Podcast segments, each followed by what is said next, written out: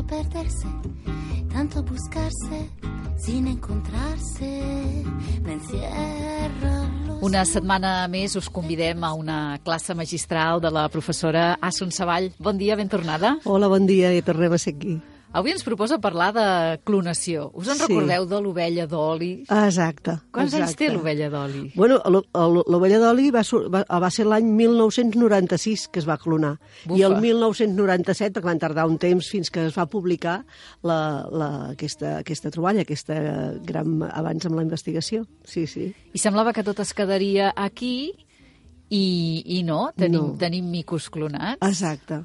Bueno, clar, el que em, vaig, em va fer mm, decidir a parlar aquesta, aquesta vegada de clonació és que ara fa pocs dies, el dia 24 de gener, ha sortit una, ha sortit una notícia al diari que, que suposo que l'hem vista tots, la fotografia d'uns micos, que a més a més tenen un aspecte com de bebès i que, que et cridaven l'atenció, que són dos micos clonats, que es diuen Zong Zong i Hua Hua. Són dos micos que han sigut clonats per la- per l'Acadèmia de Ciències de la Xina i que, bueno, pues, pues és una vegada més, tornem al tema de la clonació. Aquests són d'una espècie que es, que es diuen macaca fascicularis i que, bueno, pues de moment estan visquent mm, totalment normal, estan, estan tenint un procés de vida absolutament normalitzat. Clar, i llavors tornem a dir per què val la pena clonar, si s'ha de clonar o no, si és ètic, si no és ètic, tot aquest tema que, que, bueno, que porta molta controvèrsia, no? Hi va haver un debat molt encès, però clar, s'havia paivagat perquè fa una pila d'anys de la de la Ara d'oli. tornarà a estar sobre sí. la taula. La veritat és que s'ha seguit fent coses, eh? però bueno, anem, a començar, comencem a parlar de la d'oli. Vinga. Eh? I anem a explicar eh, què, què va representar això de la clonació. En realitat, clonacions n'hi ha hagut abans de la d'oli, n'hi van haver abans de la d'oli. I de manera natural, la- la vida, la, la natura, ja en fa de clons. Per exemple, dos bessons idèntics són clons. Perquè què és un clon? Un clon és una còpia genèticament idèntica d'una altra. Llavors, quan una dona embarassada porta dos, dos criatures que siguin univitalins, el que els hi diem bessons idèntics, en realitat hi ha hagut un procés natural d'una clonació, val? però bueno, clar, no són aquestes les que porten a, a, a la controvèrsia, sinó quan s'ha intentat a fer d'una manera artificial. Llavors, per què si ja havia existit alguna clonació abans de la d'oli, per què va ser tan important i va portar aquesta... Eh, va, va, va crear tant l'atenció? Doncs perquè va ser la primera vegada que va ser una clonació d'un animal adult. És a dir, jo quan he parlat dels bessons univitalins, són dos bebès, però que la clonació es dona a la primera divisió celular. Es formen dues cèl·lules i aquestes dues cèl·lules se separen. No podem dir que existeixi un individu allà, sinó que només són cèl·lules. I també s'havia fet això um, abans de la doli. Però en el cas de la doli, anem a explicar. Eren, per, fer, per aconseguir la doli, es van utilitzar tres ovelles. Tres ovelles femelles. Li direm l'ovella A, l'ovella B i l'ovella C, perquè, clar, amb una pissarra és molt més fàcil d'explicar-ho, però com que només puc utilitzar la meva veu, intentaré. Llavors, aquestes tres ovelles, la primera, la que li direm la A, és l'ovella que es va clonar. Llavors, per clonar-la van agafar una cèl·lula de les glàndules mamàries, una cèl·lula qualsevol. Podrien, eh, haguessin pogut agafar Podria qualsevol, qualsevol cèl·lula del cos. Llavors, tenim una cèl·lula de l'ovella A. Llavors, l'ovella B van agafar un òvul. Per això dic que bé, també era una femella. Un òvul. Per què un òvul? Perquè l'òvul és la cèl·lula reproductora i, per tant, ja té la mecànica per desenvolupar-se més ràpidament que una altra cèl·lula. Llavors, de la primera cèl·lula, de la, de la, de la cèl·lula de l'ovella A, es van quedar només el nucli. A veure, anem a recordar. Una cèl·lula, clar, serien els elements que, cons que construeixen qualsevol ésser viu. Qualsevol ésser viu estem formats de cèl·lules, de la suma de moltes cèl·lules. També hi ha organismes unicel·lulars, o sigui, la cèl·lula és el primer element que té tot el que necessita per sobreviure. Vale? Llavors, nosaltres tenim trilions de cèl·lules. Bueno, llavors, cada cèl·lula té un citoplasma i un nucli. Lo realment transcendent de cèl·lula és el nucli, perquè és on hi ha l'ADN i, per tant, on hi ha la informació genètica que diu tot com ha de funcionar la cèl·lula i com finalment serem nosaltres. Llavors, de l'ovella A ens quedem només al nucli, però pensem que el nucli és lo important, és el que portava tota la informació genètica de l'ovella A. De l'ovella B, que havíem agafat el nucli, ai, perdó, que havíem agafat l'òvul, li traiem el nucli i li posem el nucli de l'ovella A. O sigui, que tenim un òvul a on els citoplasmes de l'ovella B però l'òvul, ai, però el nucli és de l'ovella A. Llavors, aquest òvul, que ja és un òvul eh, una mica Manipulat. manipulat l'introduïm amb una tercera, tercera mm, ovella, en aquest cas, que farà de, de mare de lloguer, La C. la C. La C és la Per portadora. Tant, exacte. L'ovella C realment eh, eh, és un instrument que només fa de desenvoluparà la- la- a l'ovella. Llavors, la que neix és una còpia idèntica de l'ovella A, perquè és la que li ha portat el material genètic. Bueno, això va portar molt de... Van haver de fer moltes proves, molts experiments, no és un procés fàcil, però Va realment tota una es va fita, no? aconseguir, va ser tot una gran fita. Eh? O sigui, llavors, en el, en el nucli, ai, en l'òvul, quan tal, se li ha donat tota una sèrie de descargues elèctriques abans d'introduir-lo amb l'ovella C, perquè aquell òvul comenci a desenvolupar-se. I no es posa immediatament, sinó que s'espera que es vagi desenvolupant i vagi dividint-se i vagin donant bastantes cèl·lules. Quan arriba un moment determinat de, del desenvolupament embrionari, però molt, molt, molt inicial, que ja veuen que aquelles cèl·lules es van multiplicant i tal, és quan s'introdueixen a l'ovella C i aleshores aquesta és la que només serveix com a mare de lloguer i al final va néixer l'ovella d'oli, que era còpia idèntica, un clon de l'ovella A.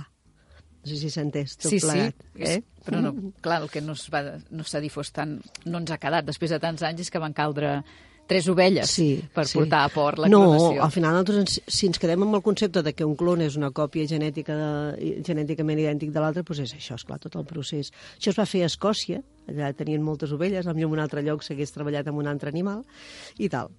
Aleshores, uh, hi ha una altra tècnica de la clonació, que aquesta és la clonació que realment se li dona molta importància, eh? perquè es vol clonar un animal adult. Clar, si que no s'utilitza per això, però si jo tinc un animal de companyia, per exemple, i, i, i el vull clonar, perquè si, si es mora i en vull tenir un... altre, Clar, jo tinc l'animal adult, per tant, he de tenir una tècnica per clonar els adults, no?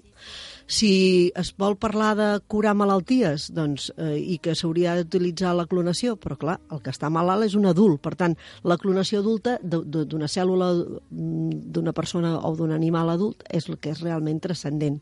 Perquè l'altra clonació, la clonació que se li diu embrionària, aquesta és molt més senzilla i és una mica el que dèiem abans. O sigui, la, la clonació embrionària consisteix en què doncs, es fa una fecundació in vitro Llavors, aquesta fecundació in vitro, doncs un òvul i un espermatozoide s'ajunten, fan la primera cèl·lula i aquesta cèl·lula es comença a dividir. Primer són dues cèl·lules, han acabat quatre, han acabat vuit, i quan ja són un nombre determinat de cèl·lules, però no, no gaire avançat, que totes les cèl·lules són idèntiques, les podem separar i cada una d'aquestes cèl·lules, si les posem amb una mare de lloguer diferent, totes donaran cries idèntiques. Però, és clar, hem partit d'un embrió, no hem partit d'un ésser adult. Per tant, la clonació, la més interessant, és la clonació d'un adult, d'una- d'un- com, el, cap. I per això va ser tan important el de l'ovella d'oli, perquè és el primer cas que van clonar un adult. Després han fet moltes clonacions embrionàries, eh? però la d'un adult és la que és realment transcendent. Obre un ventall de possibilitats Moltíssimes. infinit. Bueno, disculpeu que veus que tinc la, la veu una mica així. Ara, ve la controvèrsia. Resulta que l'ovella d'oli, quan tenia 6 anys, es va morir. Clar, llavors la, el tema era, tenia 6 anys o tenia 6 anys més els anys que tenia l'ovella A? Esclar. Perquè en realitat l'ovella A, la mare, la clon, la clon en realitat, també tenia 6 anys. Bueno, per això és casualitat. Que... O sigui, quan l'ovella que és tenia 6 anys, que és una ovella adulta i està en època reproductora, va ser quan van decidir clonar-la. I l'ovella d'oli, ja quan tenia 5 anys, va començar a tenir artrosi, cosa que no és propi d'un animal jove. Eh? Com els humans, però les artrosis són propis de persones més grans. Aleshores van començar a dir, què passa amb això? Realment l'ovella d'oli tenia 6 anys quan va morir o tenia 6 anys més els 6 anys que tenia la seva mare? Perquè hi ha un tema, hi ha un tema molt interessant, que és que cada vegada que una cèl·lula es divideix, a veure, tornem, la cèl·lula, el nucli, el material genètic, l'ADN. L'ADN s'organitza amb cromosomes, això ja ens sona, eh? els cromosomes, nosaltres tenim 46 cromosomes. Doncs cada vegada que una cèl·lula es divideix per donar dues cèl·lules filles, els cromosomes s'escurcen una miqueta hi ha un procés de divisió celular amb el qual s'utilitza un enzim que es diu la, la, la polimerasa, que no té la capacitat de reproduir de dalt a baix tot, i sempre l'últim trosset, o el primer, en realitat és el primer, no el copia. Per tant, es perd una Per mica tant, es d'informació. perd una mica d'informació. I es perd una mica d'informació de manera que cada vegada, a mida que ens anem fent grans, cada vegada els nostres cromosomes són una miqueta més curts. I per això també es diu que quan s'arriba a una mida límit, ens moriríem automàticament, o sigui, ens moriríem i no podríem continuar reproduint les nostres cèl·lules i, per tant, l'envelliment provocaria la, la, la mort. Per això es diu que l'edat màxim que podem tenir els humans és 120 anys. Normalment tenim moltes coses i molts problemes abans i rarament una persona arriba a 120 anys, però n'hi han arribat alguns. Eh? N'hi ha algunes, sí. sí. I quan dic 120 no vull dir 120 pam, eh? però al voltant d'això, que Sí, està sí. relacionat amb la mida d'aquests cromosomes. Llavors, aquests extrems, l'espunteta del cromosoma, que és la que es va escurçant, és el que es diuen els seus telòmers. Per tant, els telòmers són cada vegada una miqueta més curts. És el cromosoma que és una mica més curt, però el que es va escurçant és la punta de baix que rep el nom de telòmer. Clar, evidentment, si ho mirem així, quan a l'ovella d'oli es va partir de l'ADN de la mare, aquells cromosomes no tenien la mida originària des del principi, sinó que ja durant sis anys s'havien anat reproduint i, per tant, aquells, aquests telòmers són una miqueta més curts. Això és segur que sigui així? No, no és segur. És una hipòtesi. És una hipòtesi. També hi ha altre... Eh, va haver-hi... Es, va, es va fer, clar, evidentment, en l'ovella d'oli la, la tenen conservada i s'han seguit fent estudis amb els seus material genètic i alguns van dir que no era veritat, sinó que els seus telòmers eren normals, que no s'havien escurçat. El qual també era estrany que no s'haguessin escurçat. I aleshores hi ha un altre problema, que és que hi ha algunes cèl·lules, les cèl·lules reproductores, per exemple, que els telòmers no s'escurcen per tot un mecanisme, perquè tenen un enzim que es diu telomerasa. Bueno, és igual, que llavors és capaç de reconstruir el trosset que li falta. I llavors podia ser, van dir també que l'ovella d'oli tingués aquest enzim, la telomerasa, i que realment no s'haguessin anat escurçant els telòmers, perquè amb, alguns, amb algunes investigacions van veure això, eh, que el telòmer pràcticament no s'havia escurçat. Però quan hi ha això, els experiments on s'utilitza aquesta telomerasa i tal perquè no s'escurcin els, els telòmers, el que provoca són molts, amb molta facilitat la- l'aparició de cèl·lules canceroses i, per tant, l'aparició de càncers múltiples. Això s'ha fet amb ratolins, se'ls hi, se hi ha donat la, la, la telomerasa i s'ha vist que realment els cromosomes no s'escurcen, a canvi d'això tenen molt, molt càncer i moren de càncer. És a dir, estem en una situació... Però tot això, clar, planteja tota una sèrie de dubtes, és a dir, no, no està tot això controlat Ètics. Ètics i que, per tant, està en aquest moment absolutament descartat la clonació humana, no? Es continuen tant- clonant animals? Es continua clonant, es Sí. continua clonant. La veritat és que n'hi ha hagut mm, el mateix equip aquest que va, que va, va aconseguir la Dolly, després va, va seguir clonant altres ovelles i va fer algunes ovelles fins i tot transgèniques, que volia dir que incorporaven, a més a més de ser un clon d'un altre, incorporaven el gen que els hi donava alguna millora per la seva vida del tipus que sigui. Eh? I després s'han fet molts tipus d'animals. Eh? S'han fet doncs, eh, bous, vaques, ratolins, porcs, eh, toros de lídia, s'han fet conills, mules, cèrvols, eugues, que tinc aquí una llista, eh, rat, bueno, les rates sembla que he dit, bueno, no, abans he dit ratolins, rates, la mosca de la fruita, que és una mosca que s'utilitza moltíssim en genètica, camells, gossos, gats, bueno, Tot això al laboratori. tot això al laboratori s'ha fet i, i són animals que han, que han sobreviscut Per tant, es continua treballant la tècnica de la clonació. Clar. I aleshores això eh, va portar, ha portat, entre, amb tota aquesta llista que he dit, no hi havia cap eh, primat, cap mico. Sí que s'havien obtingut micos per clonació d'aquella altra embrionària, que no és a partir d'un animal adult, sinó a partir d'un embrió. Això sí, però eh, no s'havia aconseguit mai fins ara la clonació d'un primat adult i per això ha tingut tanta, tant, tant de ressò. Ara, eh, per què sembla tan interessant? Doncs perquè un primat és molt més proper a nosaltres i aleshores es pensa que es pot estudiar i conèixer molta, moltes coses de la biologia dels primats, estudiant aquests, i, i, i, i ser fent més clonacions, i també perquè es poden utilitzar com animals de laboratori, eh, ja no entro en si això és més o menys ètic, tal, però la veritat és que als Estats Units cada any s'importen entre 30 i 40.000 micos per experimentar, sobretot en malalties com ara el càncer i tal. Però, clar, aquest tema jo crec que ha d'estar regulat. Però si no experimentem, les, la, la, la, la, la indústria farmacèutica, la ciència, la medicina, no pot avançar. Llavors, s'ha de fer amb un control, jo crec, que tot sigui ètic i el tracte sigui, però s'ha de continuar treballant. I el fet de tenir animals clons que són idèntics, llavors pots provar, a la millor, diferents substàncies, diferents medicaments amb els diferents micos i com que tots són idèntics, pots saber més bé que les diferències que, que pots obtenir al final són degudes a la substància que tu has introduït i no a la naturalesa de cada animal, que evidentment cada animal és diferent i per tant pot ser que l'efecte per un o per altre sigui, sigui diferent. Per tant, la clonació pot ser útil per la, la ciència. La clonació eh, pot ser molt útil i sobretot a nivell humà es considera que hi ha una cosa molt important que és el que es diu la clonació terapèutica. O sigui, en aquest moment, des del punt de vista científic, ningú pensa en clonar humans, però en canvi la, clona, la clonació terapèutica realment és molt interessant perquè ens podria permetre, per exemple, curar un Alzheimer, una, eh, modificar les cèl·lules del pàncreas eh, per, per curar les diabetis, eh, una persona que ha tingut un infart de miocardi, modi- modificar les cèl·lules del cor que estan malament. Què és aquesta clonació terapèutica? Doncs consistiria en agafar la cèl·lula d'una persona adulta malalta, que ha tingut un problema, el que sigui, i agafar un òvul d'una altra persona, una mica similar a el que havíem dit de la Dolly. Uh -huh. Llavors, a l'òvul se li treu el nucli i se li posa el nucli de la persona que nosaltres volem obtenir cèl·lules. No podem dir clonar-lo amb ell. Eh?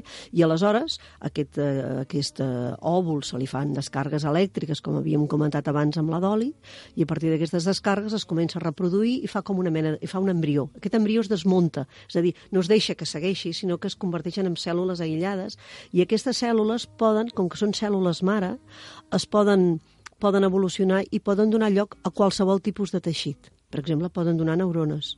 Llavors, una persona que tingui un Alzheimer i que les seves neurones estan atacades perquè tenen tota una sèrie de proteïnes que no els deixen seguir funcionant, doncs podríem posar-los aquestes neurones que en realitat són el seu mateix codi genètic i, per tant, no hi hauria el problema del rebuig, que és el que passa moltes vegades, i, per tant, es podria fer això. És a dir, podríem obtenir teixits, no, no persones, però sí teixits que ens permetessin substituir aquelles cèl·lules, aquells teixits del cos que no funcionen. I això realment és una revolució. Però està molt verd encara. Està verd, està verd, però s'està treballant molt cap aquí. Uh -huh. Sí, sí, és molt interessant, realment. La clonació també ha donat molt de sí eh, en el camp del setè art i de la ciència-ficció. Sí, moltíssim, moltíssim. Eh? Jo m'ha fet gràcia perquè m'he remuntat potser a Un mundo feliz, la novel·la de l'Aldous Huxley, Huxley, sí. que després eh, va ser passada al, al cinema. Això és del 1932. Evidentment, en aquell moment no es podia ni plantejar que això realment tingués visos de realitat. Ja recordem aquell món on les persones es classificaven i ja interessava tenir persones més intel·ligents i altres menys i tal, per cada un, per els tipus de feines que hi havia d'haver, i més tot controlat pel gran hermano aquell, no? I, i bueno, doncs això va ser ja del 1932. I després, del, del 1978, hi ha una pel·lícula que a mi m'a- m'agradava molt i, i en parlàvem amb els meus alumnes i l'havia passat, que es deia Els nens del Brasil, que consistia que va- van veure en el Brasil que en un moment determinat s'estava preparant la mort de 94 dones joves que les havien de matar i van trobar que tenien en comú que totes 94 havien adoptat una criatura. I el tema era que havien intentat clonar a Hitler i van clonar el Hitler i aleshores eh, aquestes, les criatures clonades les van donar en, a 94 mares que vivien al Brasil, ben lluny d'Alemanya i tal, que tinguessin unes condicions físiques i d'edat, bueno, condicions físiques similars al que pogués pogut ser la mare de Hitler. Però és que Hitler va morir, ai, la mare de Hitler va morir quan ell era petit. I llavors a les, totes les 94 mares que van adoptar les havien de matar perquè ja sabem que una cosa és la genètica i l'altra és l'ambient. I ells el que volien era tornar a tenir el Hitler. I, per tant, doncs, si mataven a la mare i li provocaven un trauma infantil similar al que havia pogut tenir la, el personatge, eh, la persona de Hitler, doncs potser haguessin pogut aconseguir altra vegada arribar al mateix, a la mateixa situació. Llavors, la pel·lícula a mi m'agradava molt treballar-la amb els alumnes perquè s'entén una mica el concepte de clonació, el concepte de genètica i ambient i tot això, i per tant és, és interessant. I, I una altra que n'hem sentit moltíssim que, és, que ha tornat a sortir ara, una altra que és Jurassic Park. En el cas de Jurassic Park... Amb els dinos. Exacte. El que clonen és els dinos eh, a partir d'un mosquit que havia picat... Eh, un, van trobar eh, eh, amb, una, amb una planta, no sé què, amb l'àmbar, van trobar un mosquit i a dintre del mosquit hi havia sang de dinosaure que havia picat el dinosaure i allí van trobar cèl·lules i, per tant, tot el material genètic del, del dinosaure. Això és el que és la pel·lícula, eh? I aleshores van decidir clonar-lo, el clonen, i a més a més volien que tot fossin femelles o tot mascles, no me'n recordo, però per tenir-ho tot controlat. Recordeu que allà en aquella illa, teòricament no es podien reproduir, per tant, i, i clar, en un moment determinat troben ous, troben que l'animal... És que, clar, amb els, amb els rèptils passa que amb aquelles granotes, que, ai, amb aquelles, amb aquelles granotes no, amb aquelles tortuguetes que tenim a l'institut, que el que determina que siguin mascle o femella és la temperatura de naixement i, i de moment de, durant tot el procés del desenvolupament i el naixement. I el que va passar amb Jurassic Park és que per les diferències de temperatura i tal van aparèixer mascles i femelles van, I es va es van reproduir i es va descontrolar. Per tant, això segueix donant peu a, molt, a molta imaginació. Clinc, clanc, clon, la clonació avui amb la Savall. Moltes gràcies. Vinga, gràcies a vosaltres. Fins aviat. Gràcies a tu. Adéu. Quiero Barcelona.